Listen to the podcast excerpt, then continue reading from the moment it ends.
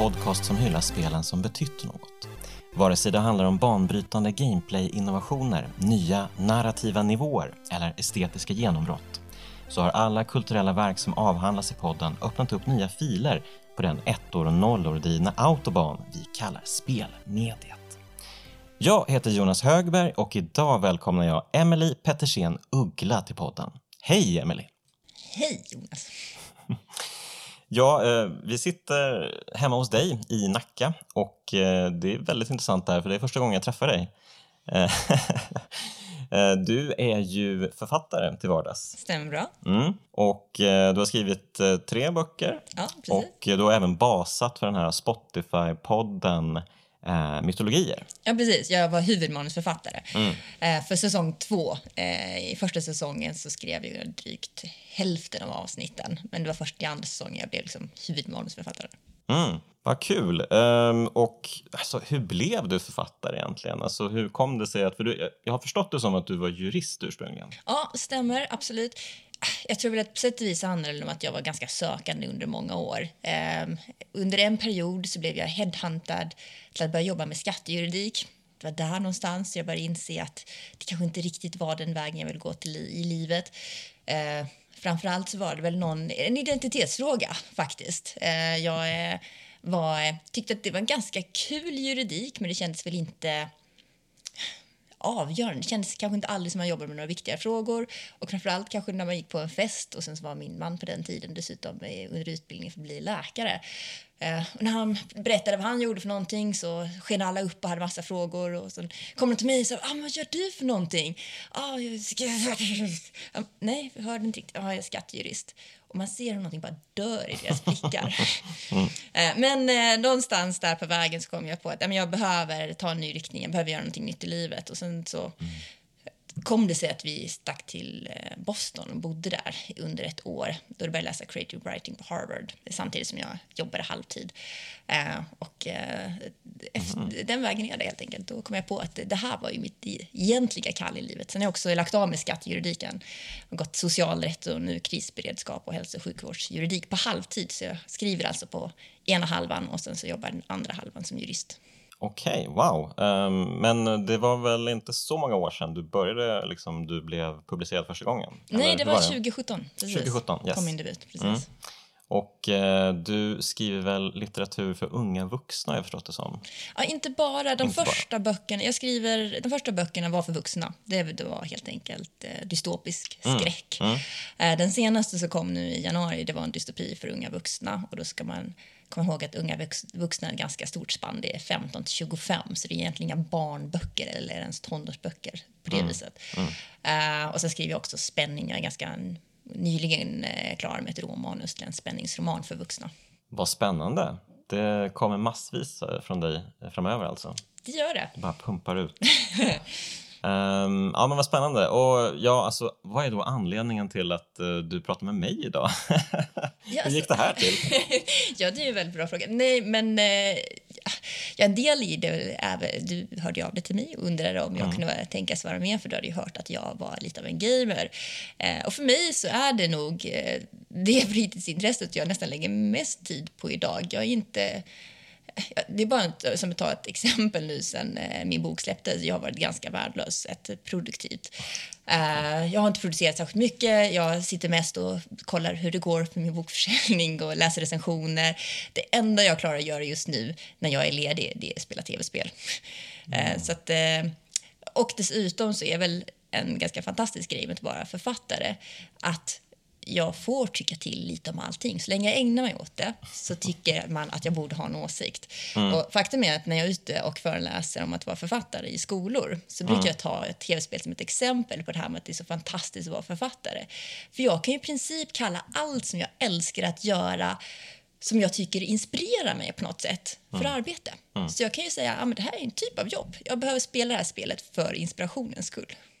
Vad spännande. Ehm, och eh, den här, senaste tiden då så har du spelat Fahrenheit för inspirationens skull. ja, precis. Jag spelade ju om det nu. Jag spelade det när det kom för väldigt många år sedan. Tyckte att det var helt fullkomligt fantastiskt mm. då. Mm. det var ju det första, skulle jag vilja säga, spel som var just som att spela en film. Det var ju den genrestarten. Ja. Um, och jag som älskar storydrivna berättelser var helt ord. Jag tycker väl inte som tyckte väl inte då som alla många andra att, för det börjar ju väldigt speciellt ändå. Det börjar ju mer som, lite som en mordhistoria. Mm. Eh, och sen så tycker väl en del att det flippar och jag tror att det var då jag fastnade ärligt talat. Eh, ja. Sen så kommer vi väl återkomma lite till det här, vad man tycker när man spelar det så många år senare. För mm. det, det mm. lämnar ju en del övrigt att önska kanske så här. ja, det var ju en del som tyckte det även då, då ja. eh, vill jag minnas. Men det var ju, jag hade ju lite samma erfarenhet när jag spelade 2005 när det mm. släpptes mm. till Playstation 2, Xbox och PC. Eh, att eh, det kändes helt nytt på något sätt. Mm. Det var liksom något spel man hade, aldrig liksom, eh, sett förut som man inte ens kunde tänka sig att spel kunde vara på något sätt. För att det blandade ju dels så här vardagligheter, mm. alltså att man gick runt i huvudpersonens hem och bara gjorde liksom vardagssysslor egentligen. Mm. Um, men även då det här liksom helt urballade narrativet eh, som ju är väldigt underhållande eh, på många sätt. Eh, men också, ja men det var mycket liksom kring spelmekaniken också som var intressant då. Mm. För det, det är ju mycket quick time events. Mm. Ehm, jag tror inte att man kommer på något bra svenskt ord för quick time events än. Det kan Nej, man tycka är lite... som jag känner till. Jag Nej. Men eh, ja, men att man trycker på, eh, i det här fallet då, eh, de båda spakarna på kontrollen i olika håll och sådär. Man får prompter på skärmen och sådär. Så det var, kändes ju också liksom samtidigt som man såg de här filmlika sekvenserna spela mm. ut sig framför um, Så att ja, nej men det var ju verkligen bara wow, var kom det här ifrån? Uh, vem är snubben som gör spelet? David Cage? Oj, alla all hail David Cage liksom. ja, Hur gick det här till? Uh, men med tiden så har man ju kanske ja, ändrat några uppfattningar uh, om detta spel. Men uh, Ja, men det ska vi prata om idag. Mm. Vi ska prata om Fahrenheit. Precis. Ja, alltså du, du vill ju prata om, du gav ju med en rad olika exempel på, ja. eller du liksom kunde tänka dig en rad olika spel. Men jag fastnade för Fahrenheit just för att det jag känner att det liksom är ett spel som både har bra saker och dåliga saker mm -hmm. och som är väldigt kul att diskutera. Liksom. Så vi kan väl liksom bara hoppa in i det från första början liksom, och berätta lite om vad som händer i spelet till att börja med. Um, I början så hamnar man ju på en diner i New York uh, och man spelar som uh, huvudkaraktären Lucas Kane. Men allt står inte väl till, eller rätt till. Vad är det som händer, Emily? Ja, man eh, sitter ju på en toalett och eh, plötsligt så ser man ser sig själv utifrån och att spelkaraktären faktiskt går fram till en inte ont anande snubbe som står och kissar och man mördar honom. Mm. Och sen vaknar man mer eller mindre upp och inser att man just har mördat någon. Där är det i och för sig lite inkonsekvent i spelet för att det är ibland säger han att han såg det som utifrån men inte kunde styra sig själv. Ibland säger han att han inte minns alls vad som hände utan bara vaknade upp. Så det är faktiskt mm. lite oklart. Mm. Men hur som helst, man har alltså dödat någon och sitter där med blodiga händer och armar eh, och inser att det här är en dålig grej. Jag måste fly från det här stället. Eh, och dessutom så får man ju se en scen att polisen sitter precis utanför mm. toaletten. Så du har ju väldigt kort tid på dig att städa upp efter dig. Så du måste ju komma på vad du ska ta bort för att inte åka dit innan du där, då flyr därifrån. Så du behöver moppa blod, gömma kroppen och annat. Och det är en väldigt spännande inledning, faktiskt. Mm. det måste jag säga. Mm. Ja, men speciellt om du säger det här med att man har split screen i bilden. Mm. Att man hela tiden ser polisen ute i dinern Uh, röra på sig och bara, nej men nu kanske det är dags att gå på toa eller något sånt där. Han beger sig och det finns en liten Eh, det är inte en timer, men man ser liksom en liten... Eh, det är som en timer ändå, för den går ju, tickar ju neråt. Ja, den tickar ju neråt. Ja. Det är liksom en liten uh, lina som blir mindre och mindre och mindre. Typ som ett bombsnöre som liksom tickar ner mot den stora explosionen. Då polisen hittar kroppen helt mm. enkelt. Ja, beroende på hur duktig man har varit då, mm, med precis. att städa undan. Och fly i en taxi, måste man också göra. Just det, precis. Ja, det, det precis, man kan ju välja att gå ut genom bakdörren tror jag. Jag gjorde inte det den här gången. Nej, det gjorde inte jag. Det har jag inte gjort någon gång. Jag tror bara när jag gick ut genom eh, framdörren båda, båda gångerna. Mm, kanske låst, jag kommer inte ihåg riktigt. Men hur som helst, man åker därifrån i en taxi i alla fall. Um, och man måste komma ihåg att betala notan också, annars blir, säger de till en och sådär. Precis. Mm. Ja, mycket spännande. Um, och ja, och då kommer ju då uh, de andra huvudkaraktärerna i spelet till brottsplatsen, alltså poliserna. Uh, Carla och Tyler. Och ja, det är ju... man, man, man vad ska man säga? Alltså när de, när de kör upp mot den här dinern i den här, är det någon sorts Ford Mustang-liknande mm. grej? som den känns otroligt så här pimpad liksom och den här Tyler-karaktären är ju en vandrande kliché.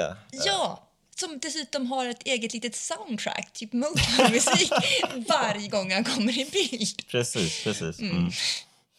Ja, det, det, är helt otroligt. Ja. Uh, det är verkligen, uh, ja, man, man vet inte hur han tänkt här riktigt, David Cage. Uh, men, eller inte gjorde ja, just. Eller ja, mm. vem vet. Um, så är det med många saker i spelet. Man vet inte riktigt hur det här gick till. Nej, eller jag tänker att det, det kanske också speglar vilken annan tid. Var så, mm. så mycket som ändå har hänt de senaste 16 åren. För mm. idag så är det så helt uppenbart, this would not fly, ärligt ja. talat. För det är ju allting, alla de här väldigt stereotypa skildringarna som mm. av då eh, Tyler, eh, som som sagt till och med har ett eget soundtrack. Alltså det är på något, vi ska aldrig glömma att han inte är, är en vit snubbe, utan han har sitt soundtrack. Mm, och hon ja. är ju egentligen, den kvinnliga polisen är ju egentligen, Carla är ju egentligen bara sina stora bröst och eh, att hon ibland är nervös mm. eh, och till egentligen för att komma in i lite lagom ögonblick och ge tillfredsställelse skulle jag vilja säga. Mm. Ja, det är klart mm. att hon också har ett eget eh, en egen karaktär initialt i alla fall. eh, men, men eh, hon lämnar också en del att önska. Men som sagt att jag tror att det är, det, det var mer så faktiskt. Mm. Mm. Så sent, alltså så alltså så sent som 2005 ändå, att det var mer okej okay att ha de här stereotyperna. Mm, mm. Eh, särskilt i spel som kanske inte nådde samma marknad som idag. Jag Nej. tänker idag när det ändå blir, till och med blir serier och film. Att det, jag inbillar mig i alla fall att det har blivit ännu mer mainstream med mm. spel så att säga. Jo men det har det absolut. Äh, äh, och då kan man inte heller ha det här äh, väldigt inskränkta tänket på samma sätt som ja, man kanske kunde. Jag tror nog fortfarande ja. att det finns stereotyper i spel. Det gör det såklart. Uh, men mm. jag vet inte om jag har sett något mer liksom uh, vansinnigt exempel på det än, än just uh, Tyler kanske, med just den här funk 70-talsmusiken uh. som, jag vet inte vad det ska andas, typ Blaxploitation eller någonting. Ja, typ. typ. Um, och han, alltså hans hem är ju också så här, bara, vad är, vad, är, vad är det här? Vem har inrett det här stället? Det är jättekonstigt. Mm -hmm. um, så att, uh, ja, nej men uh, precis. Så det, det, här måste man försöka liksom, på med skygglappar nästan för att uh, försöka ta sig förbi det här och fortsätta. Liksom. men ja, men det är ju intressant i alla fall. Beroende på hur bra då Lucas Kane, den vita manliga huvudrollsinnehavaren, den solklara hjälten. Den solklara hjälten. Um, har lyckats uh, ja, men, gömma undan uh, liket man kan ju kasta ut kniven genom fönstret ja, också. Ja, det kan man. Um, så att då, ja, hon, Carla får ju... Um, um, Eller gömmer man inte den i toaletten? Ja, men man kanske kan göra flera sätt. Ja. Eller man kanske försöker kasta ut den genom fönstret. Ja, men så är det nog, för att de hittar den i toaletten sen. Mm. Ja, vi kommer till att de ska också... Just det, precis. Men beroende mm. på vad man gör som Lucas så blir det kanske lättare eller svårare för Carla i vissa instanser och så man mm. gör. Um, det låter ju som en ganska kul premiss, liksom, men jag vet inte riktigt om de utnyttjar den på bästa sätt egentligen. Eller som att det påverkar så himla mycket egentligen i N spelet. Nej, jag håller med. Och det är väl det jag tänker att Quantic Dream senare har blivit bättre på. Mm. Um, för jag, jag är till exempel ett enormt fan av eh, Detroit Become Human där det verkligen mm. på riktigt liksom solfjädrar ut i flera olika mm. alternativ beroende på vad du gör. Medan här, och jag hade på något sätt minnet av att Fahrenheit var samma sak. Men det mm. blir ju väldigt tydligt nu när man spelar om att det var ju bara just minnet. Att det är ganska lite du faktiskt påverkar. Mm. Och det handlar ju väldigt ofta om att du misslyckas. Om du ska ha ett alternativt slut så är det mer nästan som ett game over. Du klantade dig. Ja. Eh, och det är samma sak ja, vi behöver inte hoppa till slutet på en gång. Vi kan återkomma till det. Ja, men precis. Ja, um, ja men uh, precis. Så att uh, de, de samlar lite ledtrådar och Sen så får man ju då välja då om man vill spela som Lucas, som Carla eller Tyler eh, uh, dagarna på. Eh, och så fortsätter det under spelets lopp också, man kan hoppa mellan karaktärerna. Och det tillkommer även några andra som Lucas bror och ja, till och med, man får till och med spela som skurken i ett ögonblick, eh, även om man inte gör så mycket. just det. Men ja, man vaknar upp hemma i sin lägenhet, i Lucas Keynes lägenhet och eh, det var också någonting jag tänkte på, alla har liksom helt enorma lägenheter oh, i New York. New York. Ja, visst, ingen bor i ett litet kyffel liksom. Nej, det är helt otroligt. Eh, och visst, Lucas Keynes lägenhet ser ju inte jättemysig ut kanske. Nej, men han är väl just, de är ju just, han är ju separerat också, mm. så det är väl det den ska eh, skildra på något sätt. Just det. Mm. Ja. Ja, men eh, ja, så att eh, han, han vaknar i um, blodiga lakan för att han, inte nog med att han har mördat en person så har han ju även liksom karvat in i sina underarmar en, en mystisk uh, ormsymbol. Ja, så att uh, blodiga lakan, uh, han går upp och då får man ju liksom, man kan utforska lägenheten, man kan gå och duscha, man kan bandagera sig lite och sådär. Um, och så får han helt plötsligt en, vad ska man kalla det, en föraning, en premonition. Mm han ser framför sig hur en polis kommer och ringer på hos honom. Mm. Och eh, det här är ju något som han kommer få återkommande eh, från och med nu. Eh, alltså föraningar om saker och ting. Han blir mm. synsk. Precis, där börjar vi inse att det finns någonting övernaturligt i det här. Mm. Mycket spännande. Um, så att ja, man, man, får ju, då får man ju verkligen skynda på sig att smussla undan misstänksamma saker som de blodiga paltorna um, och försöka gömma sina armar och eh, ja, men lite allt möjligt helt enkelt. Ja, och sen är det ju det här väldigt irriterande momentet som jag har glömt bort när man väl har gått runt i hela lägenheten, känner sig nöjd och så kommer man till dörren. Ja, men då har han banne mig tappat bort sin nyckel. Mm, just det, just det, just det. Ja, mm. så den behöver man hitta också för att kunna öppna, för annars åker man dit. Ja, det är ju helt otroligt egentligen. Det är många sådana här saker som är liksom, har de ens eh, Eh, QA-testat det här spelet. Alltså, mm. har, de, har det funnits personer som faktiskt spelat spelet i efterhand Man kan undra. innan release? Ja, precis. Mm. Så att uh, vissa saker är väldigt konstiga. Men uh, ja, och så kommer polisen, knackar på, uh, ringer på och går in lite och undersöker lite och sådär. Han har hört något ljud där liksom. Och, eller grannarna har ringt och tyckt att det var konstigt där. Lucas Kane kanske har skrikit under natten eller någonting. Han har minst sitt eh, hemska brott som han då själv menar sig vara oskyldig till. Eh, ja, och eh, sen så är det ju en ganska, det ganska lugn eh, så här, framåtrörelse i början mm. av spelet. Alltså, det är ju mycket de här vardagshändelserna, poliserna de går runt på polishuset. Mm. Um, de går runt och, och kikar på sina saker och sådär liksom. Och självklart har ju Tyler en basketkorg. Såklart! Ja, det är otroligt. Uh, ja, och uh, ja, men och sen så um, förr eller senare så får de ju nys på att uh, det är, ehm, de hittar ju en liten uh, papperslapp då i en bok som de hittade på mordplatsen i, vid den här dinern där Lucas Kane satt. Um, så hittar de en liten uh, utskuren pappersbit som har figurerat som uh, bokmärke. Och uh, via lite detective skills då så lyckas de utröna att den här tillhör en Ja, men det är väl någon sorts IT-ställe? Jag blev aldrig riktigt klok på vad han jobbade på för ställe. Nej, bank. Bank var bank. det. Ja. Just det, men han är IT-snubbe på ja, banken. Ja, han är ansvarig på något sätt. Mm. Ja, precis. Så var det. Just det, så att, eh, och då får de nys om att eh, då ska vi dit och undersöka. Men inte innan man som Lucas Kane har spelat en helt bizarr sekvens på jobbet där han får se på spökkvalster som kommer från överallt. Eh, vad tyckte du om det? Då, första gången jag spelade, tyckte jag att det var en jätterolig scen. För det var första gången man började känna sig lite övernaturligt skicklig. För man hoppar mm. ju över och kastar sig under. Man kände sig väldigt grym när man var klar med scenen. Nu reflekterade jag nog mer över vad så bisarrt det var och försökte få det att stämma in i historien. Mm. Jag förstår fortfarande inte riktigt vad det var för någonting eller mm. varför de här... Eller jag antar att det var den här andra på något sätt intelligensen som attackerade honom mm, då mm, mm. faktiskt. Nu när, ja. Uh, ja, du har ju rätt. Det, nu kanske vi går helt händelserna i förväg men det finns ju då två uh, mörka krafter som figurerar i bakgrunden. Um, en sån här helt vanlig uh, hemlig organisation som har funnits i um, tusentals år, lite Illuminati-style liksom. Men även det mest bisarra, alltså någon sorts artificiell intelligens som uppstod på 80-talet. ja du, det är mycket man inte blir klok över på det här spelet. Mm -hmm. um, mm. Men just det, men innan man gör den här grejen så har ju han eh, besökt sin bror i en park och där händer ju en grej som jag tycker är intressant. Det är när han ska rädda en pojke där från en vak. Ja, precis. Ja, för då får han ju också en premonition och inser, eller en föraning av att den här pojken ska drunkna. Mm.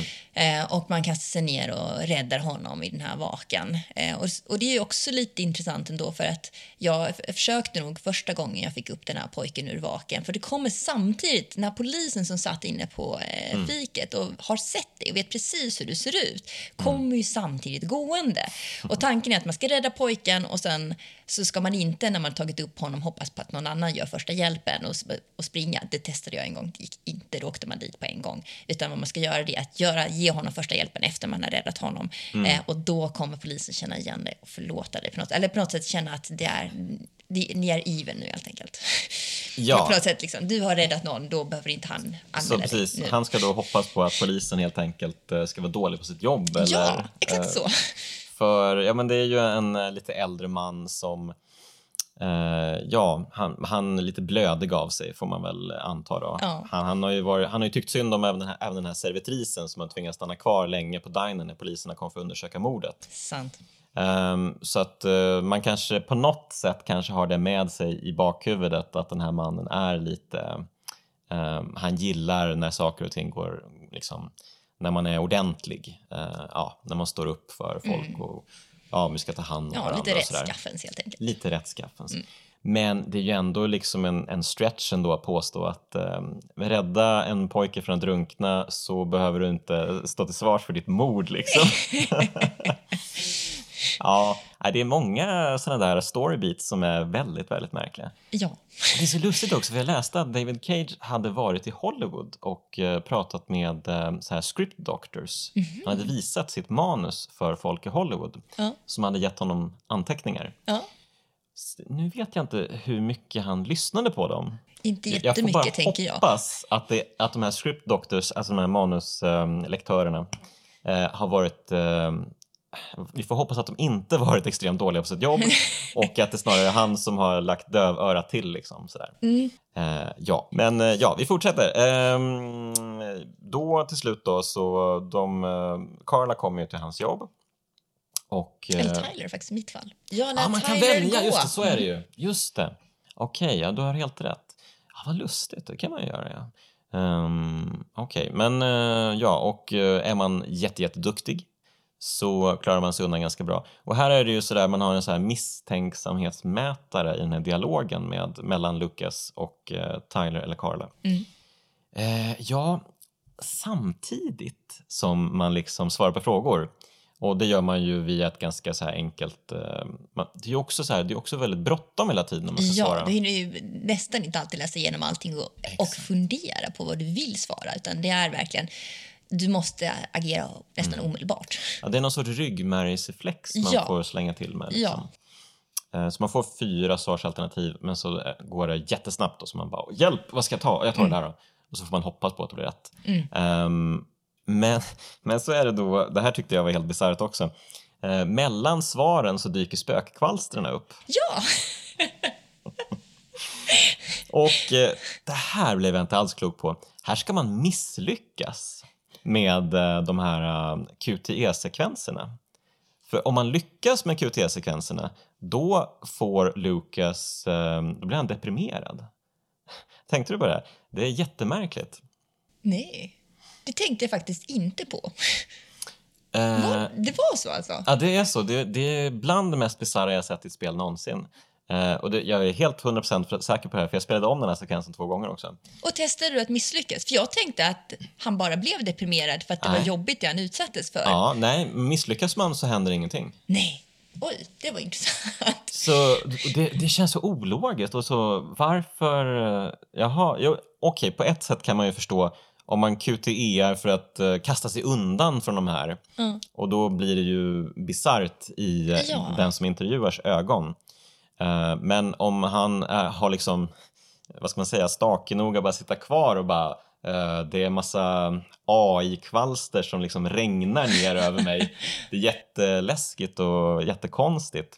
Men om jag liksom bara försöker ignorera dem så blir det bra. Men att man då inte ska göra någonting, det är så Jag konstigt. känner mig lite lurad här nu faktiskt. För Ja. när jag gjorde det så tänkte jag nog att ett, jag, jag spelade ju inte om den här scenen så jag tänkte jag var så illa tvungen och om jag hade misslyckats så handlade det inte om att jag skulle suttit kvar utan att jag på något sätt skulle ha blivit mer skadad och ännu mer misstänkliggjord eh, och att det här var en oundviklig se- sekvens. Men det känns ju lite som ett spel som bygger på att du ska göra rätt.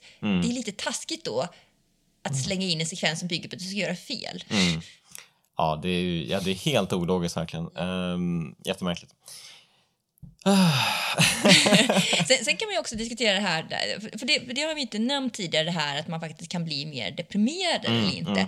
Det är ju ett, en av de sakerna som gör att faktiskt allting du gör Mm. har en viss påverkan, apropå det här om vi jämför det med de nyare spelen där man faktiskt kan påverka slutet. Mm.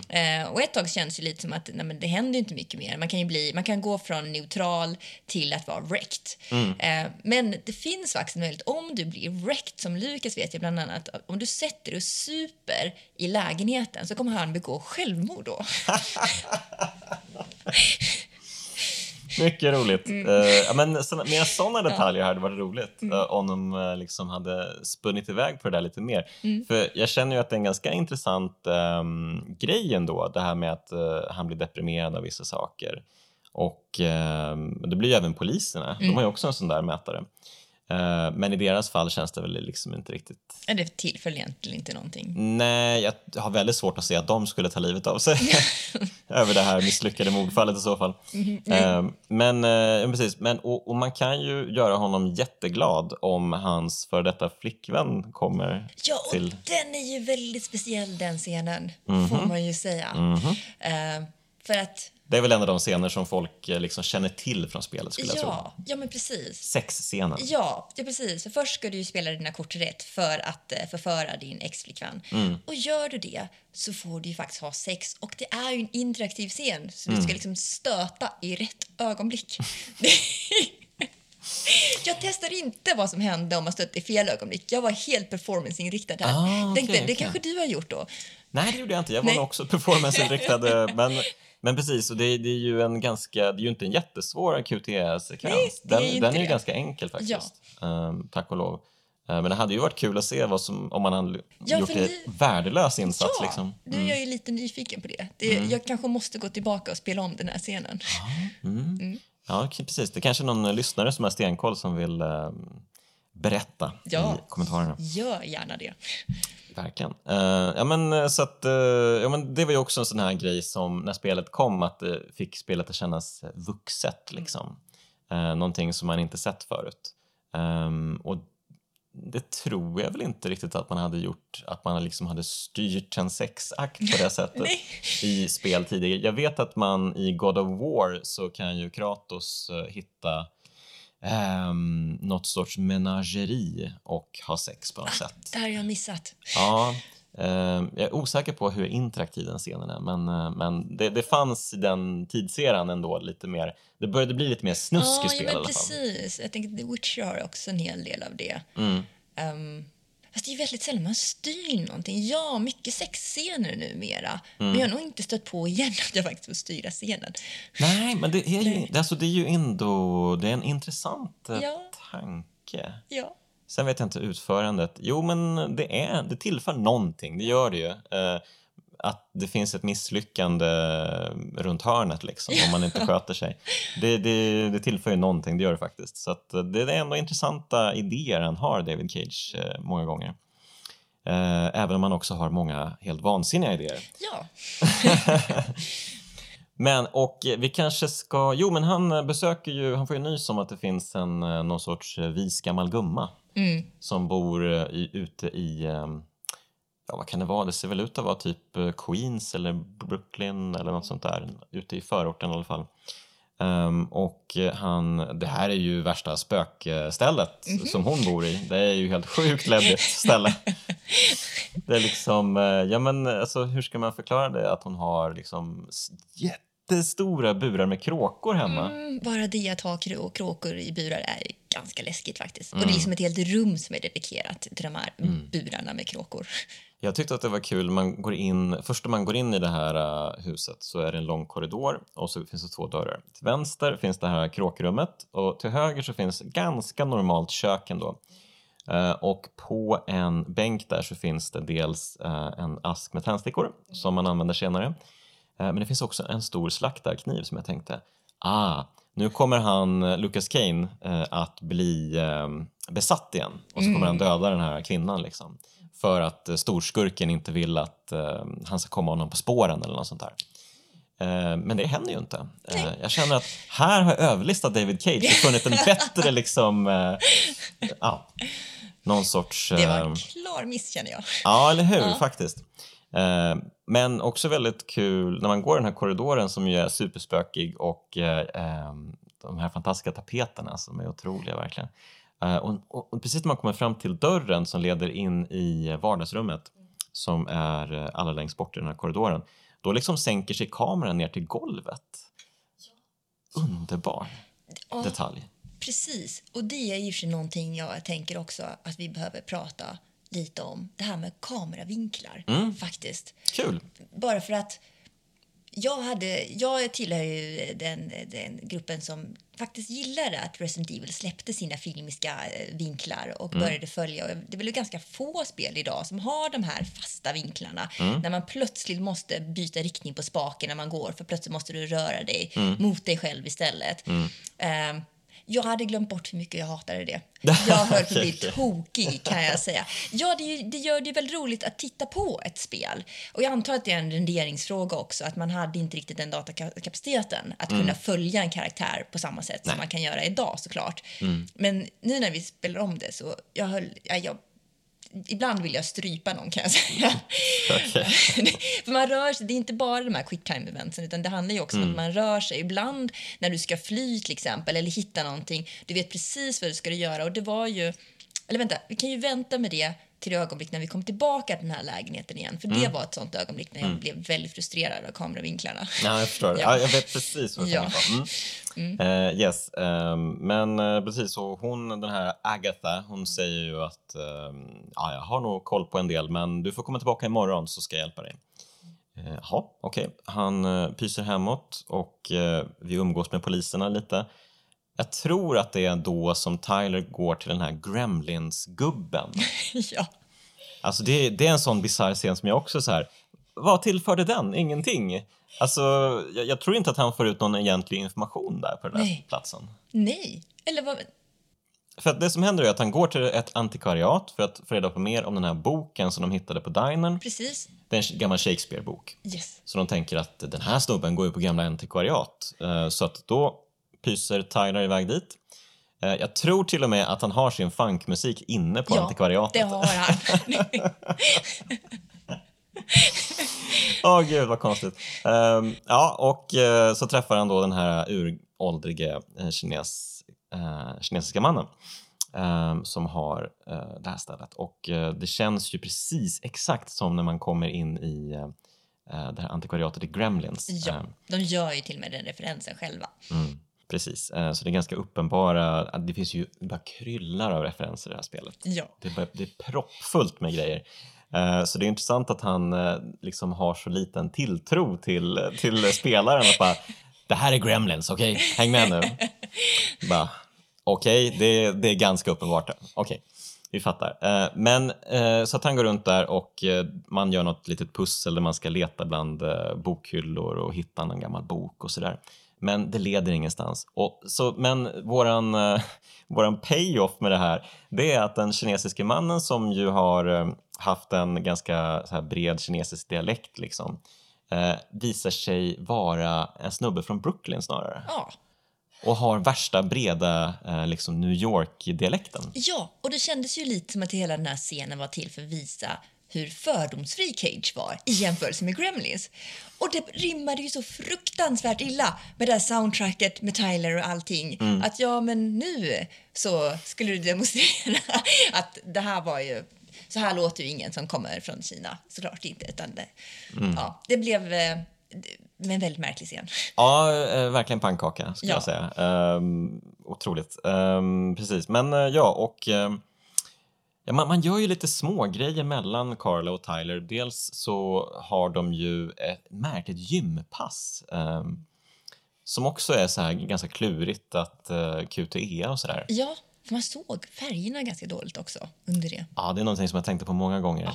Det här med att man ser de här två spaksymbolerna, de är pang mitt i skärmen, men de är ju liksom transparenta. Ja, så att, eh, och samt, det är så lustigt för att man, dels så händer det någonting coolt på, på skärmen, alltså det är ju en cool filmsekvens som man styr över på något sätt med de här prompteserna. Men man, man skärper ju blicken för att kunna se de här transparenta sakerna så himla mycket så att man bara, så man missar scenen. ja man, man missar ju helt scenen för man försöker ju bara, vad är det för, vart ska jag med de här spakarna? Eh, så att, mm, Mm, Ja. Jag vet, mm, jag håller med. Och det var i och för sig där någonstans, för den hade jag jätteproblem med faktiskt. Och där ett tag så blev jag lite deppig, måste jag säga. Mm. För jag kände, är det det som har hänt på 16 år? Jag kommer bara ihåg att för 16 år sedan så flög jag genom det här spelet. Det var en sekvens jag fastnade i. Mm. Allt annat bara svischade förbi. Och nu det enda som har hänt är att jag inte alls blivit bättre på spel, jag bara blivit lite långsammare. Eh, men men eh, eh, det, jag, vi, vi kan komma tillbaka till det också. För det, senare i spelet när jag insåg, för att ett tag så tänkte jag att det kanske var att kontrollerna var annorlunda. Man satt inte med en Playstation 2-kontroll längre. Så jag stängde av vibrationen på kontrollen eh, och sen så tänkte jag nej men det är att de är känsligare. De tror att jag drar åt ett annat håll.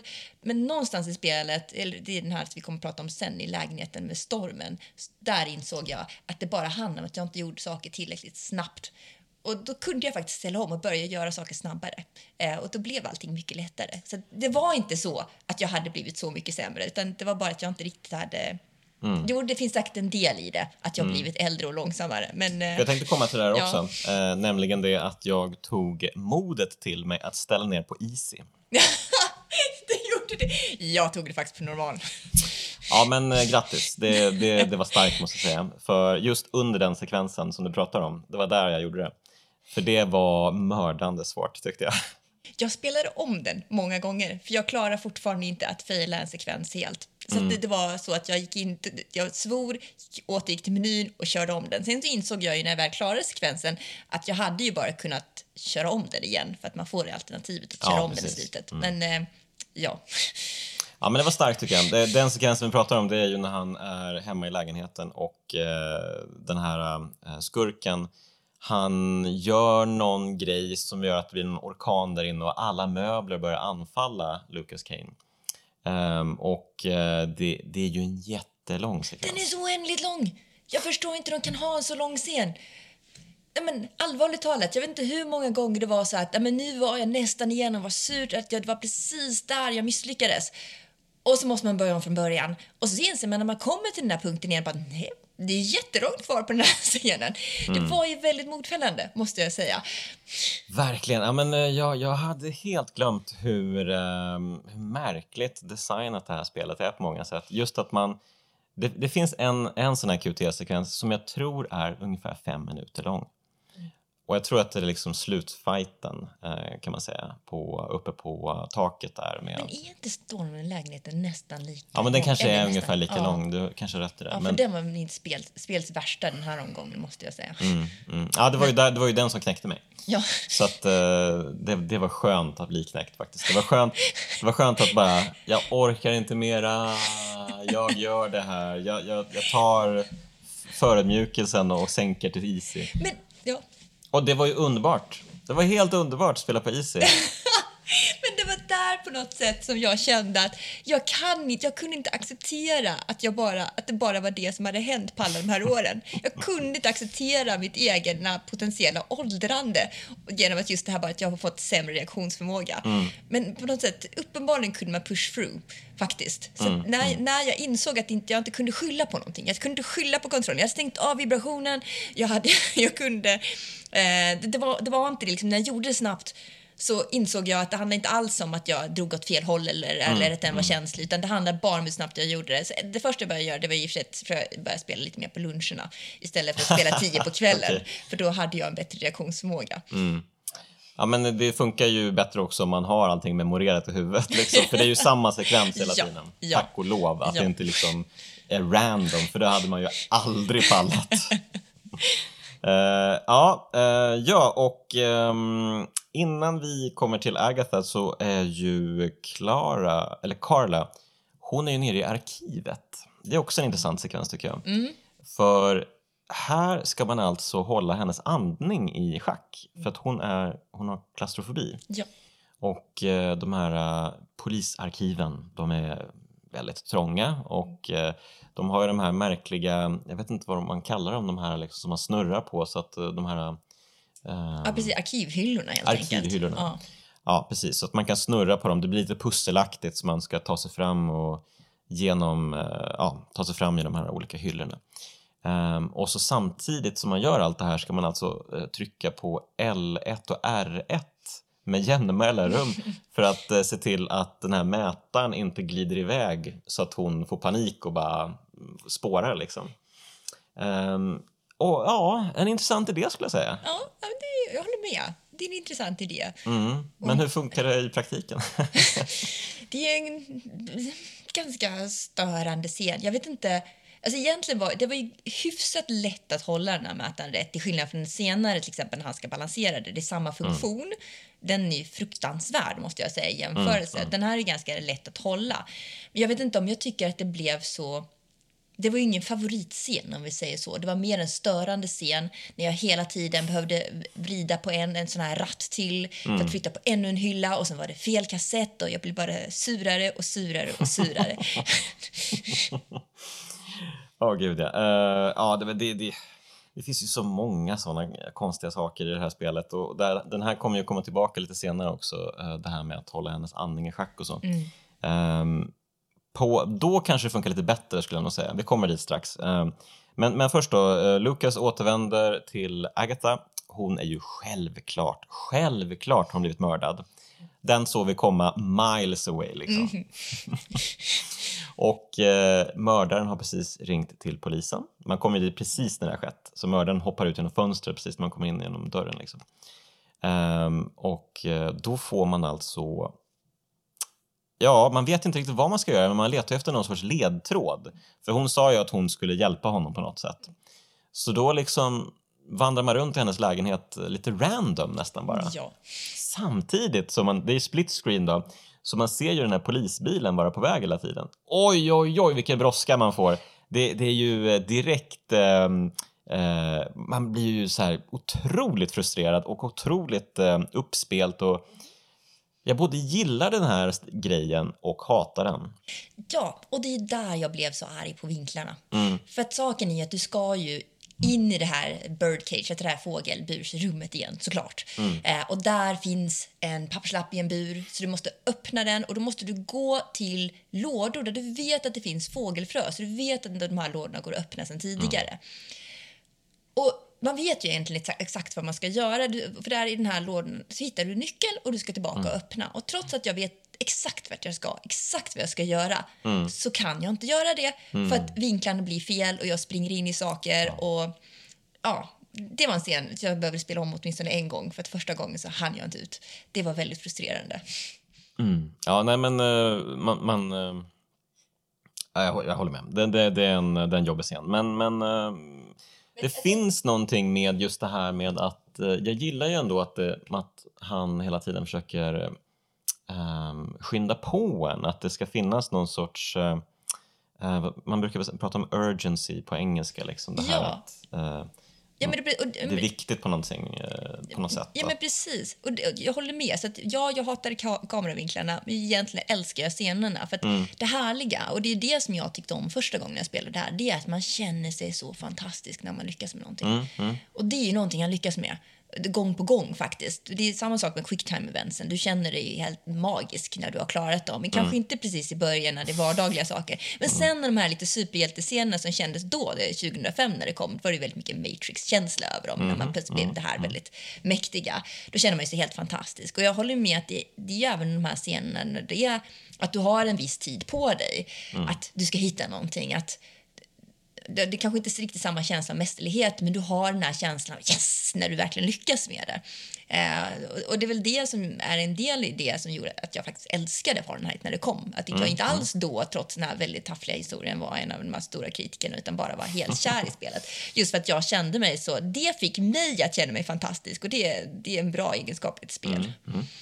Ja, men eh, precis. Och den, den här liksom urgency-känslan och också split screen-grejen tycker jag är väldigt kul. Eh, att man hela tiden kan kika ner på en del av skärmen, se polisen och se att de är på gatan. Ja, ja. De är, närmar sig huset. Ja. Det är ju skitkul! Ja, och nu är de faktiskt uppe på väg in genom dörren. Ja. ja.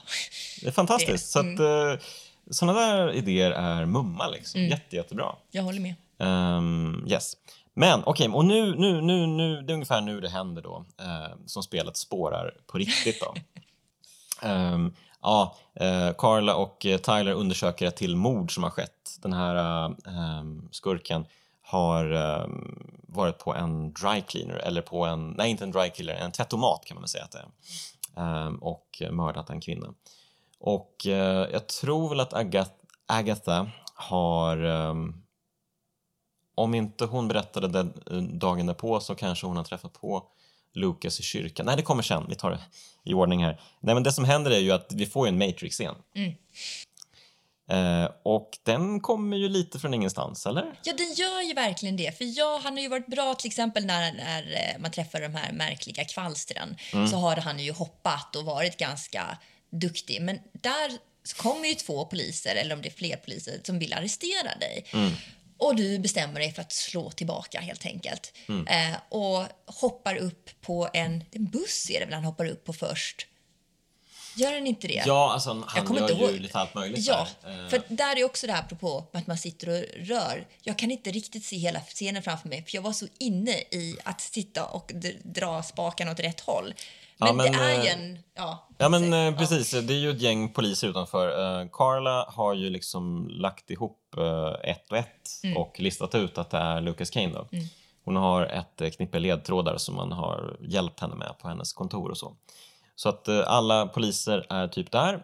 De har ju precis kraschat in i hans lägenhet och bara va, han är inte här. Men han är precis på väg in i porten till huset. Eh, och då står det ju ett gäng poliser där utanför. Så de eh, riktar ju sina pistoler mot honom, men ja, precis som du säger, han, han bestämmer sig för att slå tillbaka. Och eh, han har väl liksom börjat ana att han inte är galen. Att eh, det faktiskt är något crazy bananas eh, på gång i bakgrunden här, liksom att det finns någon hemlig organisation liksom. Så att han bestämmer sig, nej jag måste, jag måste fixa det här, jag måste rädda världen eller någonting. Eh, och då blir det ju Matrix ja. Och han gör ju samma rörelser som Keanu Reeves i Matrix. Så att han, eh, det är ju bullet time. Ja, det... Ehm, Alltså det, det är också en sån här referens som är liksom straight in your face verkligen. Eh, och ja men precis, han duckar kulor, han hoppar på bilar och han gör ett jätte så här Hulken-hopp upp på en ja, tunnelbana. på en, precis. Mm. Ehm, ja, och efter det där så bara, what? ja, precis. Vilket också var poliserna står och säger. Det är Ja. verkligen, did you see that? Liksom, Men precis, då, då känner man ju, um, borde de inte typ kalla in nationalgardet eller någonting? De har just sett en person vara Stålmannen liksom. precis.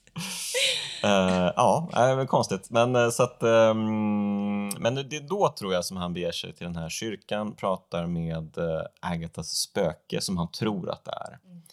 Eh, och hon berättar, nej du är inte galen, det finns en hemlig organisation, bla bla bla. Ehm, och eh, sen minns jag inte om det är den gången, men han är i en kyrka i alla fall och slåss mot änglar också. Ja, ja, de är väldigt oklara. För de ser inte ut, för annars om jag tänker på några kvalsen så såg de ut på något sätt som de skulle vara AI-skapade. Men änglarna är ju mer spöklika på det viset. Ja, alltså vi har ju pratat om den här hemliga organisationen och Ja. den verkar ju ändå vara liksom eh, en organisation eh, av kött och blod. Ja. Liksom. Men, och sen så finns det då en, eh, en AI-organisation, eller vad man ska säga, eh, som alltså, det är de som styr det här Agatha-spöket. Um, så det är inte Agatha egentligen, utan det är de som försöker lura Lucas Kane att uh, göra deras uh, ärenden åt dem. Um, men så man, jag fattar inte riktigt var de här spökena kommer ifrån eller vem de tillhör. Eller... Nej, det är väldigt oklart. För de bara lösgör sig från de här statyerna i kyrkan och börjar anfalla honom och man bara, vad är det nu? Vad är det här? så himla skumt allting. Um, ja, och, och, och, och, på polisstationen så är det ju givetvis så att, den, att polischefen eh, han är extremt arg och värsta klichébilden också av en sån här typ polischef från typ 80-talets mm. uh, snutfilmer liksom. Precis. Um, så bara, nu måste ni ut och fixa det här alltså. Jag struntar i vad ni gör. Så alla resurser på det här. Alla måste ta Lucas Kane. Och det blir ju verkligen, och så nu är det ju massa så här hit och dit och höger och vänster och Lucas besöker liksom en eh, expert på mayakulturen mm. för det har han också fått nys om att den här hemliga organisationen är liksom eh, stöpt i mayakulturen mm. på något sätt. Precis. Ja. Ja, och han, men han får ju på något sätt eh, insikt i varför han högg ihjäl den här personen i början. Mm. Eh, bara för att där, tydligen så är det under mayakulturen så kunde man på något sätt få bes, liksom, besätta, eller liksom, vad säger man, possess någon, vad säger man på mm. svenska? Jag vet inte, uh, finns ja, det ett verb på det? Besätta, besätta är väl det bästa vi ja, har, tror jag. Det. Ja, men ja. någon i alla fall. Genom att, det första som händer är att de kalvar in en sån här orm som är en väldigt känd gud inom det, i den gamla mm. inkakulturen. Eh, och eh, när man har gjort det så kommer man alltså att eh, mörda den personen som man har utsett dem att mörda. Det är bara mm. att de som har utsetts till de här mördarna, mm. de tar livet av sig efteråt. Men det har alltså Lukas inte gjort. Mm. Och där börjar vi förstå att det är något ytterligare speciellt med honom om vi inte har förstått det av de här superkrafterna han, han mm. hade Han är tidigare. verkligen the one, the one. Precis, han är the one. Exakt. Mm. Eh, precis, de pratar ju om det, de här den hemliga Maya-organisationen, att eh, han har eh, nu minns jag inte vad de, vad de kallar det, den här oh, kraften. Vad heter den? Ja, oh, eh, ja men strunt samma. Men det, det är oh. ju verkligen Star Wars liksom. Det är ju, han har the force. Ja, helt enkelt. exakt. Eh, midichlorians eller vad de pratar om liksom. Eh, han har en väldigt hög midichlorians antal eller något sånt där. Han har very strong in the force. Så Det är jättekul. Eh, och ehm, ja, och det blir lite hit och dit och till slut så blir ju då man räddar brorsan från att bli dödad av den här eh, Maya-organisationens eh, eh, henchman. Mm. Det, det, är ju han som är liksom huvudskurken hela tiden. Mm. Um, man ringer till brorsan precis när polisen är på väg att basta in i hans uh, hotellrum mm. där liksom.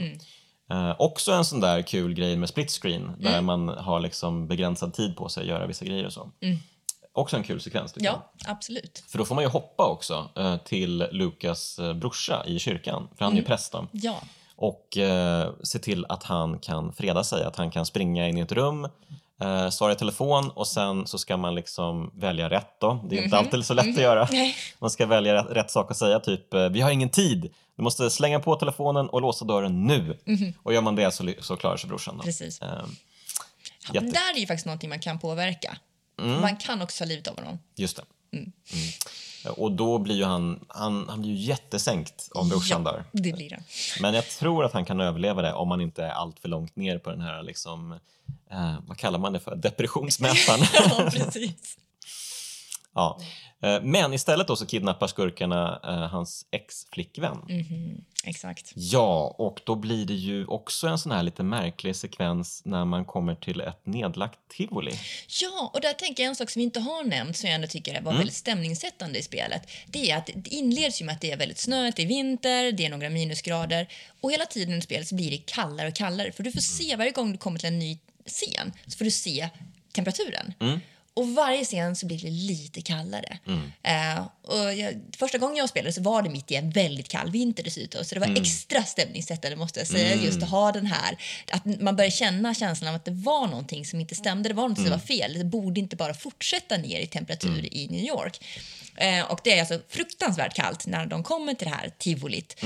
Uh, och han inser att flickvännen finns där någonstans. Mm. och han har väl någon fågel som leder honom rätt. Och där kommer ju det Mm. De här, ja, man kommer väl fram till någon eh, berg och dalbana, ska ta sig upp. Och sen kommer den här balansgången över. Den var jättesvår. Jaha, var den svår? Okay. Den var jättesvår. Jag mm. tror det, utom den där stormen så var det där jag dog mest i spelet. Aha. För då ska man hålla liksom L och 1 ja. L och R-knappar? Ja, precis, precis. Och just det, när jag gick med Carlos så tyckte jag Den glömde vi förresten prata om, Carlos ja, Det ska ta den efter det här tänkte jag. Ja. ja mm. Eh, men den var... Eh, nej, av någon anledning så var den här så mycket svårare för mig. Jag antar att det har lite att göra med att om man är lätt stressad mm. så kan man trycka för snabbt eh, och jag är lätt stressad. Så att, eh, jag kan ha nytta av att vara lätt stressad i de andra sekvenserna men inte mm. i den. Ah, okay. Ja. Det är liksom som att spelet spelar ut dig mot dig själv ja, på något sätt. Precis. Du är duktig på en sak men så blir du urusel på en annan sak. Liksom.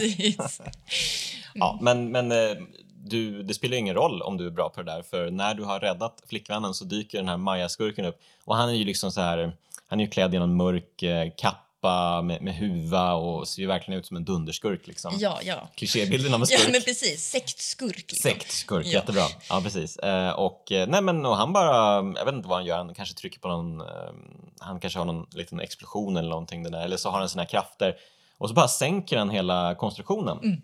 Så att både Lucas och eh, Tiffany, tror jag han heter, mm. Ehm, de faller till sin död. De dör. Ja, vi dör. Och där borde ju spelet ta slut, men ja. så sker inte. Nej! Mm. Men innan vi kommer till det mm. så ska vi bara ta den här mellanstickan med när Carla alltså springer bort till ett mentalsjukhus. Precis. Också en väldigt, väldigt rolig sekvens. Dels för att ehm, eh, det var min flickvän som insåg det här. Ja. Men de har, verkligen, de har rippat dialogen direkt från eh, När lammen tystnar här. Nej, vad roligt! Eh, så att när, när hon kommer till det här eh, mentalsjukhuset, eh, hon ska ju träffa då eh, en man, det är ju en till som har överlevt eh, förutom Lucas. Mm. Um, de flesta tar ju livet av sig, men den här mannen har överlevt. Han blev väl uh, tagen av polisen direkt efter sitt dåd tror jag. Mm. Det är ju de är ju, det är många mord som har skett helt enkelt på det här sättet. Och det här var ju kanske 10-20 år sedan någonting. Så han har suttit här sedan dess då. Och han är ju ganska läskig liksom med, han har ganska stort huvud och har något ärr och mm. väldigt mörk i ansiktet, väldigt läskig eh, uppsyn. Mm. Men när man träffar då um, den här um, fångvårdaren uh, jag tror han heter Barney till och med um, och, det, och det är liksom det är samma namn som i När lammen tystnar när Claire kommer till uh, Hannibal Lecters uh, liksom, ställe. Ah, kul, det missar jag. Och han säger exakt samma saker som han säger till, till henne. Vi kollade upp det sen också. Mm. Så att han säger liksom, eh, ja ta det lugnt där inne, liksom, var försiktig och sådär. Mm. Det är liksom exakt samma dialog, mm. eh, precis när hon ska gå in i mentalsjukhuset. Uh, I'll be watching, säger han. och sådär. Så att det, det är ju kul, för där stavar han ju inte ut det liksom hela vägen. Uh, men, men det är ändå ganska uppenbar referens. Och så, liksom. um, och uh, ja, men jag tycker det är ganska kul att prata med den där killen. Uh, nu har jag glömt vad han heter, Harvey någonting kanske. Um, ganska kul dialog med honom och han pratar ju bara oh, de ska ta över världen och allt sånt där. Och bara, oj, oj, oj, passa dig och sådär. Uh, och då går ju strömmen, för det är ju så att det, det är den här temperaturen, allting, det är ju typ min, minus ja. 20 någonting mm. Fahrenheit. Mm. Uh, man får hela tiden se det i Fahrenheit, hur, hur kallt det är. Men minus 20 Fahrenheit är jättekallt. Mm. Och det är därför spelet heter Fahrenheit såklart. Hmm, mm. hmm, Okej. Okay. Uh, eh, yes. Men, för den som eh, undrar. men generatorerna har ju pajat då för att det är så kallt. Så att uh, då blir det strömavbrott, uh, alla dörrar öppnas och det dyker upp massa psykopater. Och då ska man försöka ta sig tillbaka till, um, till ingången då samtidigt som man kör den här klaustrofobi-grejen med L1 och R1-knapparna. Mm. Mm. Vad tyckte du om den sekvensen? den handlar ju väldigt mycket om att man inte skulle springa in i de som hade tagits ut från cellerna.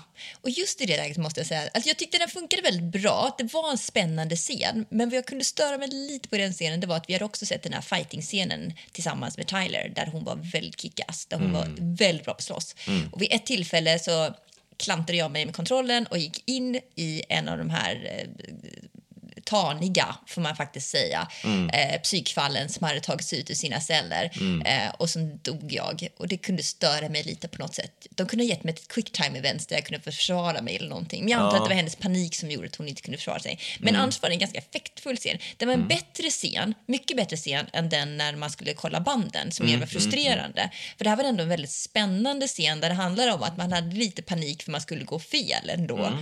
Så att jag, jag gillade ändå den scenen. Vad Mm, Ja, tyckte men du? Jag, Ja. jag tyckte också den var bra. Ehm, det, det kändes som liksom en... Arkivscenen var ju inte jättekul, men det var ju liksom som en föraning till den här scenen. Så att man liksom, ah det är samma grej, Ja, okej, fick ja, ja, öva det. Man ska Ja. Mm. öva lite där. Och så ska man liksom hålla koll på panikmätaren hela tiden samtidigt som man rör sig genom mörkret. Och man ska stå helt still också när de här typerna dyker upp. ja, Då ska man ju inte röra sig någonting. nej. Ehm, och det, men det är också kul att man eh, pysslar med det också, total, att man inte ska röra kontrollen. Ehm, för annars är ju ett himla meckande med den. Ja, exakt. Eh, men eh, kul grej tycker jag. Eh, vissa, vissa grejer är väldigt roliga. Eh, men ja, och, eh, men Lucas Kane, han dyker ju upp igen. Han är ju inte död. Ja, han, eller han är ju död. Han Han är- är, han är typ en zombie, ärligt talat. Fast han är, Ja. väldigt, eller, ja, han är en sentient zombie, så jag vet inte om det räknas som zombie egentligen. Mm. Eh, men ja, han är en odöd helt enkelt när han dyker upp igen Mm. på kyrkogården eh, vid eh, sin eh, flickväns grav helt enkelt, Mm. där Carla också har kommit. För att, Jag kommer inte ihåg, hade hon fått ett meddelande från honom? Ja, just det. Jag tror att han har ringt henne och sagt eh, möt mig här. Ja, precis. Och där är, där är det ju lite speciellt för där har ju uppenbarligen Carla kommit fram till att Lukas nog inte är skyldig ändå. Man får det här tillfället när de träffar varandra om hon ska lita på honom eller inte. Ehm, och eftersom jag vet att han är oskyldig så valde jag att hon skulle lita på honom. Jag fick en trophy för det. Så det men, inte vad valde du Grattis, för du någonting?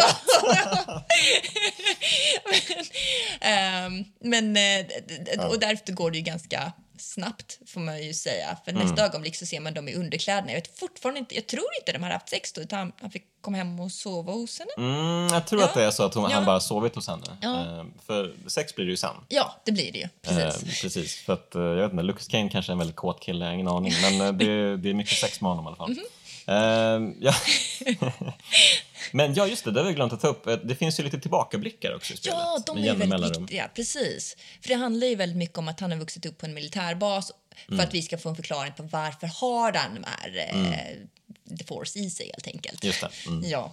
Eh, och då får man ju veta lite mer för varje ögonblick egentligen. Mm. Ja, varje tillbaka. Precis. Eh, och eh, generellt eh, gillar jag inte alls de här tillbakablickarna. Nej, jag förstår vad du menar. De är oftast mest frustrerande, ärligt Mm, talat. Eh, man ska smyga runt i den här militärbasen och akta sig för så här searchlights Mm. eh, och vakter och så. så att, eh, och det, är väl lite, det blir lite så här Metal Gear Solid eh, gameplay nästan. Och spelet är absolut inte byggt för det. Nej, nej. Och det blir mest ologiskt och eh, man vet inte riktigt vad man ska göra. Vid de tillfällen när man är ute och går där med sin eh, brorsa, man är väl tio år gammal kanske, ehm, så måste man springa tillbaka en bit för att göra någonting. För att eh, lura en vakt, men man måste kasta en sten på någonting. Och det var så många ologiska grejer, eller det var inte jätteologiskt kanske, men det var så svårt att hitta rätt för mig i alla fall. Så att jag snurrade runt där jättemycket. Um, ja, det, speciellt var det när han skulle klättra upp för den här, um, um, eh, vad säger man, ledningen. Ja. Som ledde över till andra sidan, uh, till den här, uh, där artefakten fanns. Ja. Eh, då skulle ju eh, hans bror då, eh, som blir präst sen, han skulle ju göra någon eh, undanmanöver av något slag. Men jag hittade inte fram till eh, den här saken. jag spenderade kanske en halvtimme med att irra runt liksom. Så att eh, ja, ibland hade det varit skönt att få en liten så här kartprompter bara och en liten eh, prick där, liksom, dit ska och sådär. Ja, men jag håller med. Och jag hade också vissa av de här ögonblicken när jag bara hade väldigt svårt att ta mig förbi searchlighten. Ehm, eller också, jag, jag hittade faktiskt var eh, brodern skulle bege sig, men sen sprang jag ju fram för fort efter det. Ehm, Jag väntade inte tillräckligt länge på att han åkte dit faktiskt. Ehm, och sen så är det mäckigt också, man skulle klättra över. Varför det var lite oklart när searchlighten faktiskt sken på dig och när Ja. den inte gjorde det. Verkligen. Precis. Mm. Så att, Ehm, ja, den delen var väl det som tillförde minst i spelet Mm, egentligen skulle jag säga. Det är nästan att man kan skippa det. Men Ja. okej, jag förstår. Eh, Man, vill man, ha man, man ska, barn. ja, någon sorts... Uh, varför är one och sådär. Men okej, fine. Okej. Men eh, ja, så att, eh, men han ska ju tillbaka dit på, i slutet av spelet då, helt enkelt. Men innan han åker dit så ska han ha en uppgörelse först med den här, eh, för det har vi ju också glömt att nämna, för det är ju då, eh, de är på jakt efter en ung flicka. Ja, hur kan vi inte nämna henne? Jag vet inte. ja, berätta, vem är den här flickan? Ja, nej, men alltså, grejen är att alla reinkarneras hela tiden. Mm. Men var typ 10 000 år eller något där, då finns det en pure soul som är liksom från början, som är Mm. helt ny. Och hon är helt ny. Och med henne kan man få en enorm makt helt enkelt. Mm. Så att de vill ha tag på henne. Ja, oklart i hur det här grundar sig på något sätt eller hur det liksom yttrar sig ens. Eh, Men, men så är det. Så är Yes. det. Alla är överens på det, om det här. Liksom. Och det, även den här AI-organisationen är ute efter henne. Det är ju därför de manipulerar eh, Lucas och sådär. Mm. Ja, men eh, han eh, kan ju då se, han får ju också se de här ehm, synerna av flickan när de mördar folk. När den här Maja-snubben eh, gör de här speciella rit- rituella morden. Eh, det är någonting med att han, han skär av alla artärer till hjärtat på exakta ställen Mm. Som gör då att eh, de lider länge och då kan han få den här synen att se var flickan befinner sig. Så med var, varje mord så kommer han närmare och närmare henne och var hon befinner sig. Och det är ju då självklart, var, var är det någonstans? det, Ja, Det var på eh, barnhem, var det det inte så? barnhem, Ja. självklart ett barnhem! Självklart är det ett barnhem! Det är så självklart så att det finns inte. Eh, ja, så att eh, de beger sig dit då, eh, Lucas Kane. Ehm, ja, han letar efter flickan, eh, ja, hittar henne, beger sig upp på taket och då kommer den här killen. Ja, och hon är närmast katatonisk också. Mm. Eller katatonisk menar jag, förlåt. Eh, och jag tänker att det är ganska enkel lösning för dem faktiskt att de gör det. Ja. Det är effektivt men det hade varit jobbigt om hon hade bara hej, varför vill du ta mig? Jag vill inte följa med dig. Men Mm. Det hade ju varit roligt. det hade varit väldigt speciellt. Precis. Ja. Eh, men det känns som att, jag vet inte, alltså, han, han verkar inte vara så intresserad av så här, barns egen värld eller så här liksom. Eh, för eh, alltså, barnen överlag i det här spelet eh, är ju väldigt platta. Och, Ja, gud ja. ehm, jag vet inte, om de kanske blev aningen bättre sen i Heavy Rain men de är ju också väldigt frånvarande De egentligen. är extremt frånvarande skulle jag säga. Ja. Alltså, det är ju verkligen bara ett objekt att räddas. ärligt Exakt, talat. exakt. Ja. Eh, ja, men så hon är katatonisk och eh, den här uh, Maja-killen dyker upp och sen är det då tidernas fight på det här Ja. taket. Wow! Ja. Det är helt otroligt. Och det är en så märklig fight också. Tänkte du på det? Alltså de, de rullar runt i luften och jag vet inte, de klöser nästan på varandra så här liksom.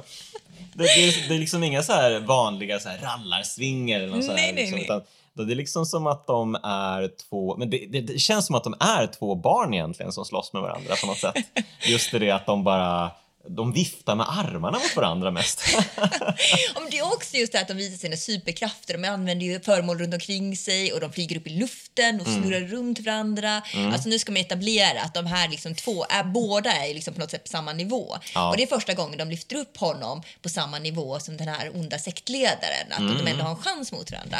Så ja, det, det finns vissa märkliga inslag men det var ändå en fight jag gillade. Alltså Mm. jag, jag, även nu tyckte jag att den var riktigt, riktigt kul att ta mig igenom. Den är kul, absolut. Ja. Den är kul. Eh, men eh, ja, så man, växlar ju liksom mellan de här QT vanliga sekvenserna med spakarna och även L1 och R-knapparna. eh, så man ska liksom hålla sig lugn i någon, i någon Nej, nej, man ska inte hålla sig lugn. Man ska göra det så fort som möjligt. så fort som möjligt. Så var det. Okej. Ja, och det är ju också en så här jättelång sekvens verkligen. Men eh, hej, jag spelade på Easy så det var inga problem för mig. Och Mm. då slapp du den här scenen som har varit min nemesis i alla år. Jag kan säga så här att det finns en scen precis i slutet av den här scenen och det är Mm. det sista man gör. Då ska man springa med, eh, med L1, R1 Jag dog en gång på den. mm, på Easy ska du komma ihåg. På Easy, ja. Mm. Mm, Jag spelade om så jäkla många gånger. Första gången jag spelade det här, Mm. när jag ändå bara flöt genom hela spelet, så dog jag så många gånger så att min eh, dåvarande sambo, numera man, eh, vi körde varsin knapp. Han hade tittat på hela det här spelet och sen så körde vi varsin knapp. Jag körde R1 och han körde L1 bara för att kunna upp i rätt hastighet. Nu har jag faktiskt återupprättat min heder. Jag tog mig igenom den sekvensen själv på normal. normal. Okej. Jag vill inte ens tänka på hur den är på hard. Jag förstår inte hur någon kan röra fingrarna så snabbt. Men det är så taskigt. Bara att alla andra R1 R, L1 R1 har varit ganska enkla genom spelet i jämförelse. Väldigt enkla, för du Ja, har en verkligen. mätare som visar liksom hur långt du kommer upp och du ska ju pressa upp den till max. Och så plötsligt kommer den här scenen när du ska springa längs huset när det går från att vara ett jätteenkelt till fruktansvärt svårt. Ja, det, det är väldigt roligt. Eh, och det kommer väl, eh, är det inte, för polisen är ju där också och, och försöker eh, sätta dit Kane. Är det inte en helikopter med i, i spelet? Jo, jo, det är det. Mm. Så att allting händer ju här liksom. Ehm, men så att han hoppar in i ett rum och där är spök-Agatha. Och, och här valde jag, för jag minns inte att det var AI-skurkarna. Ehm, jag minns ingenting av spelet, jag har så dåligt minne. Men så att jag bara lämnade över henne till, till dem. Gjorde du? Mm, gjorde det. Så och ögonblicket jag gjorde det så kände jag, nej det här var inte det. så bara, och sen så var det det här gamla vanliga, man ser hur Agatas eh, ansikte bara brister upp i ett grin och bara hehehe, din idiot, hur kunde du? Bara, "Ja, tack, tack, tack. Det, mm, det kändes dumt. Ja. Det känns jobbigt. Men vad hände sen då om du har gjort det? För jag, jag behöll ju barnet och Mm. behövde rädda mig själv från någon form av vortex och annat. För då försöker de ju ta koll på mig såklart. Ja, just det. Ja, och jag lyckas fly därifrån med barnet. Men vad händer om man överlämnar henne? Eh, ja, då är hon i AI-typernas våld. Men hela slutsekvensen då? Ja, men det här blir intressant, eh, för nu tar vi oss dit på två olika sätt då, Ja, antar jag. ja. Eller jag tror att det är ungefär samma sätt. Det är bara det att eh, man i mitt fall då inte har med sig eh, flickan. När man blir räddad av de här eh, hemlösa som Mhm. har någon Mm. sorts märklig bas eh, i eh, underjorden Mm. eh, vid en tunnelbanevagn som är övergiven. Och det är ju här man har sex med Carla igen. Mm. Eller igen, första gången kanske till och med. Ehm, för man styr ju henne här när hon går runt och eh, tittar på saker. Man kan Mm. bygga ihop en liten radio också, man hittar batterier och sånt. Mm. Och göra henne deprimerad. Vilket också känns så här, jaha, nu har jag gått runt och fixat med det här jättemycket. Jag har jobbat stenhårt för att den här radion ska funka. Och så är det bara, jaha, det är bara dåliga nyheter på radion. Men det fick man också en trophy för, så du fick glädjas Ah, av trofén okej, istället. okej. Det finns alltid någonting. Mm. Men ja, det var lite frustrerande. Mm. Eh, och så till slut så går hon och lägger sig och eh, då blir det sexy time. Ja, och den kände jag väl var den minst begripliga scenen av alla sexscener jag någonsin sett. För där är alltså, det är svinkallt. Det är alltså på riktigt svinkallt. Det är så Mm. kallt som man kan i princip inte vistas ovanför mark längre. Till och med där under jorden med eld och allting så fryser de och har massa ytterkläder på sig. Mm. Och så börjar de hångla. Och hennes kommentar är, dina läppar är kalla som is. Och sen har de sex. Mm, ja, det, är ju, det är ju inte riktigt, eh, man känner passionen. eh, Nej, bara, nej, precis, för han är ju död. Det är därför han är så kall. Ja. Ehm, och eh, jag känner själv liksom att ha sex med ett lik när jag fryser, det känns liksom inte Precis. jätteupphetsande. Ja, men det är ju nekrofili. Ja. Det är ju det hon pysslar med. Eh, Exakt. Så hon, hon är ju sjuk i huvudet helt enkelt. Ehm, ärligt talat. ärligt talat. Ehm, ja, men jag vet inte, men det är väl också någonting det här med att folk i krissituationer har väl lättare liksom att ty sig till varandra också. Ja, men jag har inget problem med att de skulle haft sex om Nej. inte han hade varit så kall. Ja. Och hon Ja, det är jätteskumt mycket. faktiskt. Mm. Det är skumt. Nästan vem som helst hade hon kunnat gå och hångla upp ärligt talat. Men utom någon som är kall som is när hon redan är iskall.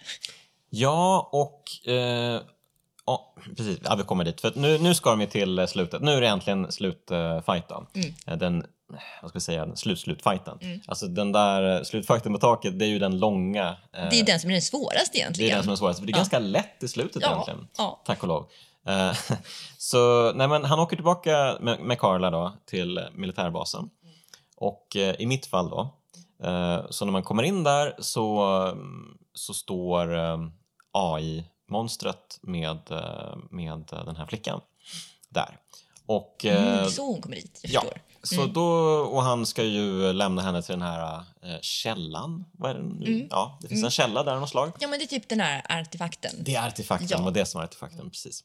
Ehm, och den är superviktig. Ehm, hon ska typ eh, läggas där, förvandlas till ljus eller någonting och bli ett med planeten så att den här uh, isåldern eh, som håller på att liksom paralyserar hela jorden äntligen kan uh, lugna sig och återgå till normalt. Och återigen, där har de gjort enkelt för, för sig genom att hon är katatonisk när de tänker offra henne. Kanon! Hon stretar inte emot utan Nej. det är bara upp med den här. Yes. Det är ju knappt ens en människa. Nej, Liksom. precis. Herregud, är barn människor? ja. Eh, ja, men, men de här, för man, ehm, det här AI-monstret är ju ganska lätt att eh, döda antar jag. Och eh, även den här Maja-killen dyker ju upp med eh, Carla, men hon, det är hon som skjuter honom. ehm, i, eller? Gör hon? Nej, Carla hjälpte inte mig alls. Nej, jag jag dödar alla. Du dödade alla? Jag dödar alla. Jaha, jag har glömt något nu? Jag, jag har precis för mig som det att, eh, han, ehm, att hon slår sig loss från honom och eh, skjuter honom med sin pistol. Eller med pistolen som han höll. Nej, men Eh, han flyger ju upp i luften och försöker attackera. Fast den här gången är det väldigt enkelt, för jag laddar med hela tiden.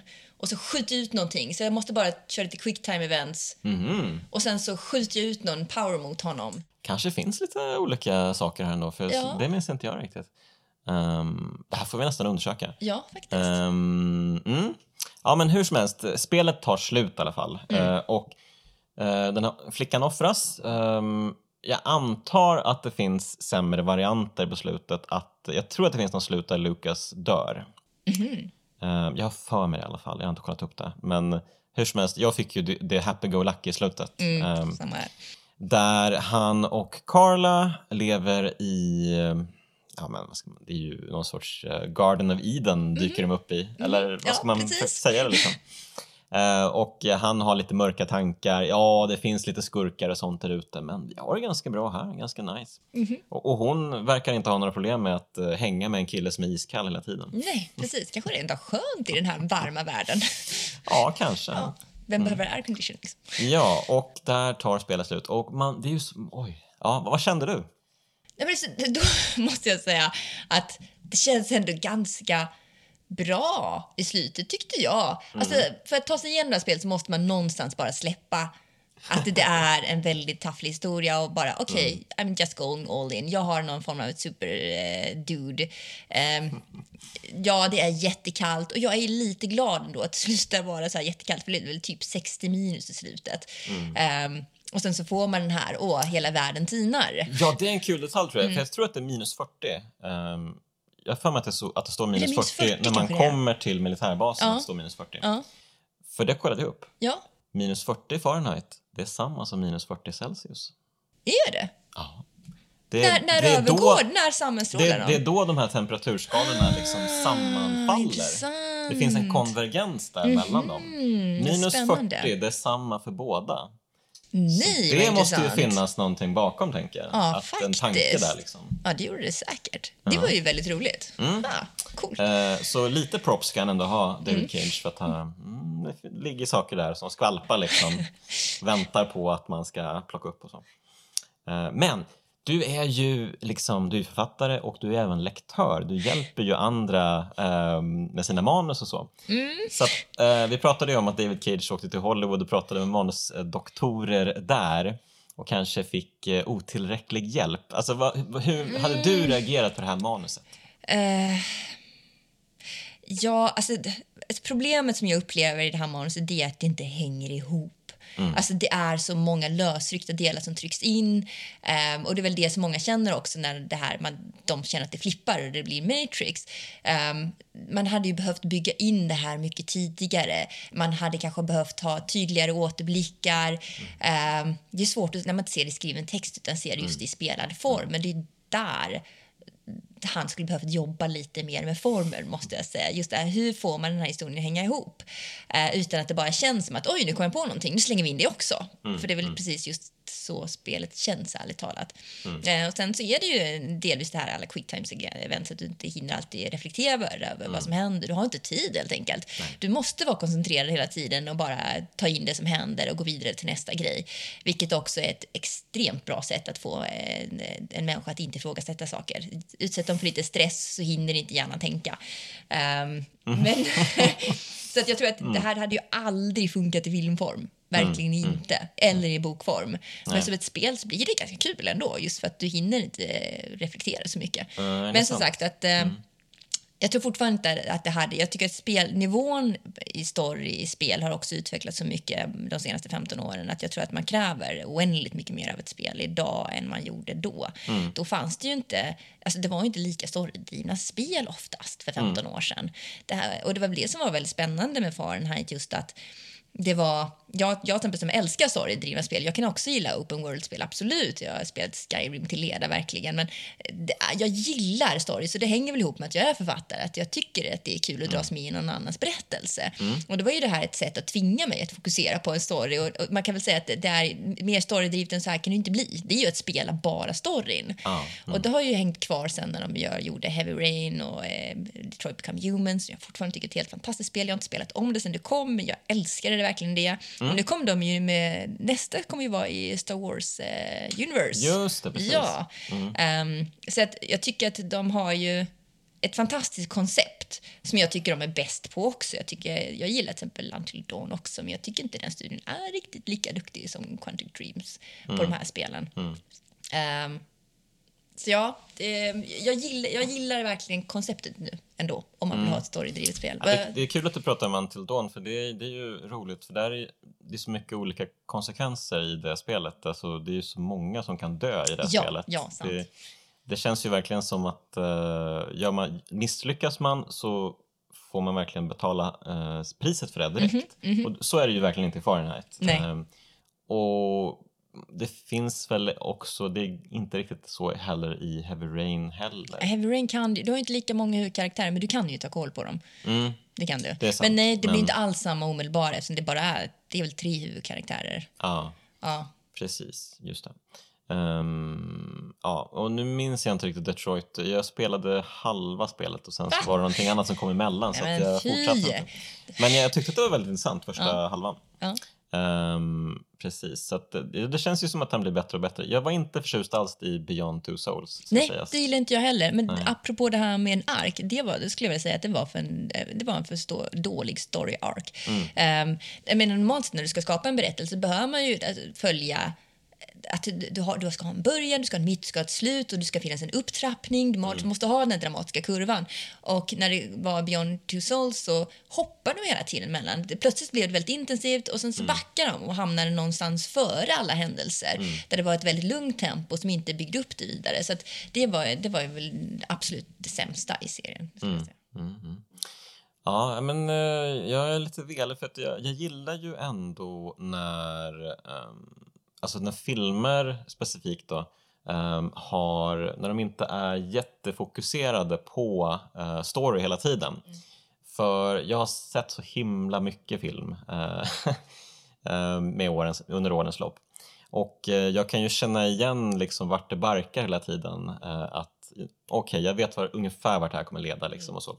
Så att jag gillar ju när filmer blir lite konstiga på olika sätt. När det kanske inte riktigt är Eh, tydligt. Eller, eller förutsägbart. Eller förutsägbart mm. eller att de bara liksom landar i någon, någon, typ någon vardaglig grej eller någonting. Mm. Bara så att man um, får landa i världen istället för att fortsätta historien. Mm. Att det liksom uh, att det finns något mysigt att liksom landa i på något sätt mm. i, i filmer och så innan det trillar vidare. Och uh, jag känner lite att det finns lite den, den ingrediensen ändå i, i Fahrenheit.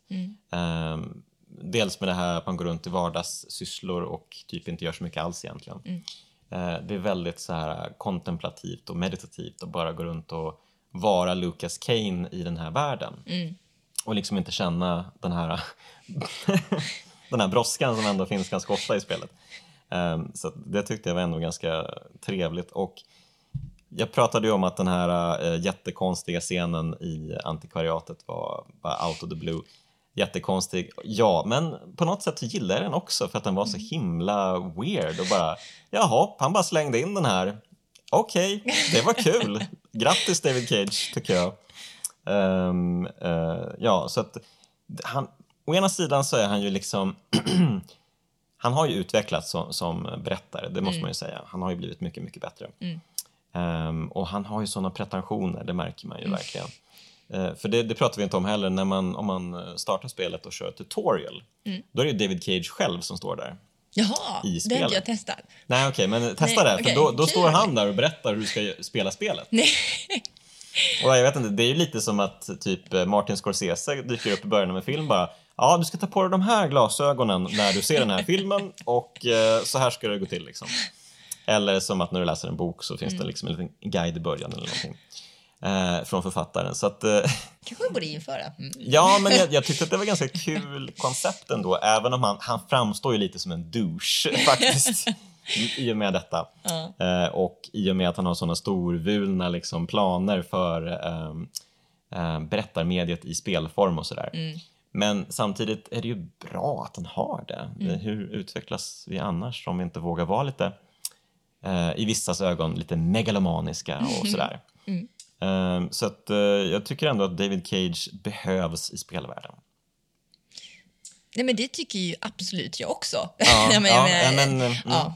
Nej, men just eftersom jag tycker att det, är, det har ju gått, verkligen gått på rätt håll, tycker jag. Mm, Ehm, eh, så att, ja, alltså, om man nu vill testa de här spelen och inte gjort det så kanske man inte behöver börja med Fahrenheit, även om det nu släpptes det, även så det finns det PS4.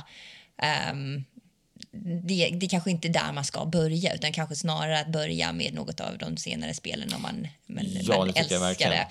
Eh, och sen kanske man kan backa till Fahrenheit och man vill bara se hur började allting. Mm. Eh, men jag tycker att det, det tillförde verkligen någonting nytt, väldigt spännande. Mm. Det, det gjorde det.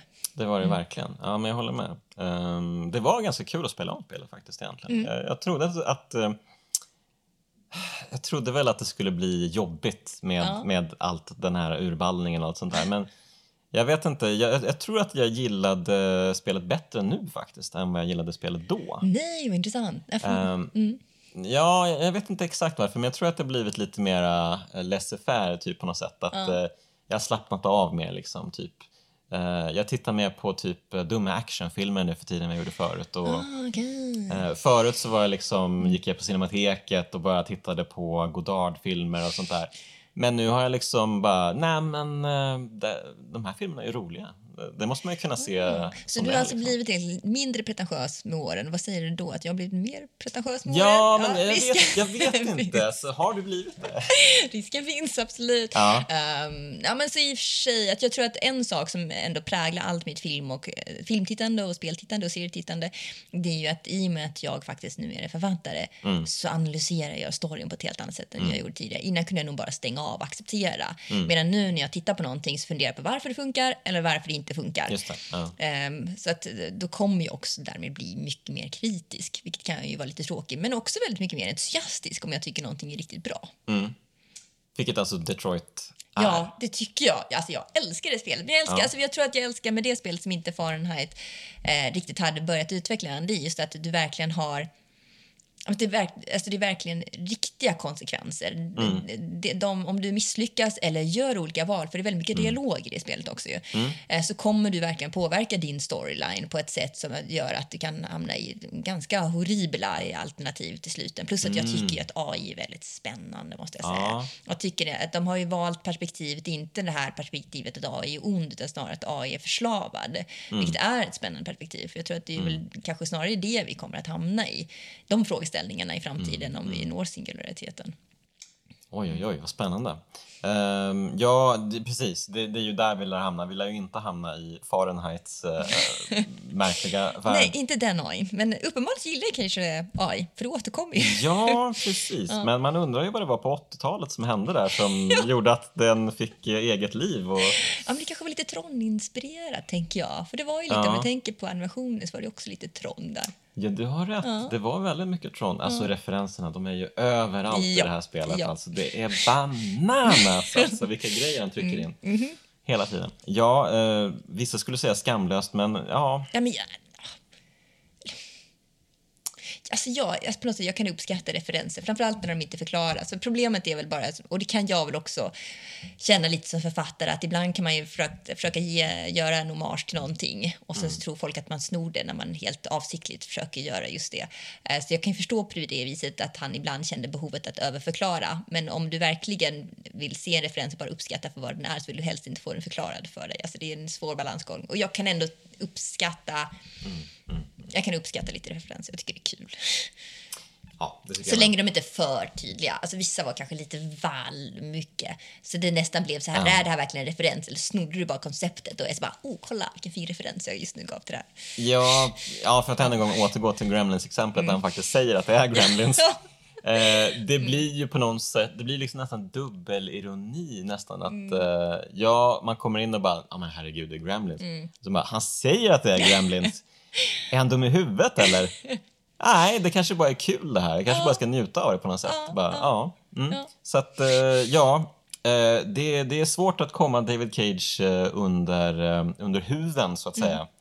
Eh, Men vi får väl vi får hoppas att han inte kommer göra oss besvikna med det här Star Wars-spelet och att de kanske skaffar lite bättre arbetsvillkor för jag tror att det har varit lite uppbragda röster på hans Nej, eh, företag har jag- om eh, lite dålig företagskultur och sånt. Um, Nej då, det har jag missat ibland. Mm. Mm, vad jobbigt. så det kanske de får ta, ta tag i helt Ja. enkelt. Ehm, ja, men, ehm, ja, men eh, jag tycker att vi har sammanfattat det här ganska bra. Mm. Men är det någonting mer du vill säga om Fahrenheit? Nej, jag tycker nog också att vi har sammanfattat det på ett väldigt bra sätt. Mm. Jag tror att man har en känsla av vad vi, både vad vi tycker om spelet och lite hur spelet är efter att ha lyssnat på oss idag. Yes. Ja, men där har ni det allihopa. Ehm, tack så mycket, Emily, för att du var med i Kraftspel. Tusen tack för att jag fick vara med. Och eh, är ni sugna på att eh, läsa Emelies alster så kan ni ju börja med att kolla in eh, Felet med Eden som ju släpptes alldeles nyss. Det är första delen i en bokserie. Stämmer. Härligt! Ehm, ja, och eh, du som lyssnar, du ska också ha stort tack. Och eh, jag vill även ge ett tack till de finfina pojkarna i Bitpopbandet 047 som gör musiken till Kraftspelen. Hör ni, vi ses igen och hörs igen framförallt nästa vecka.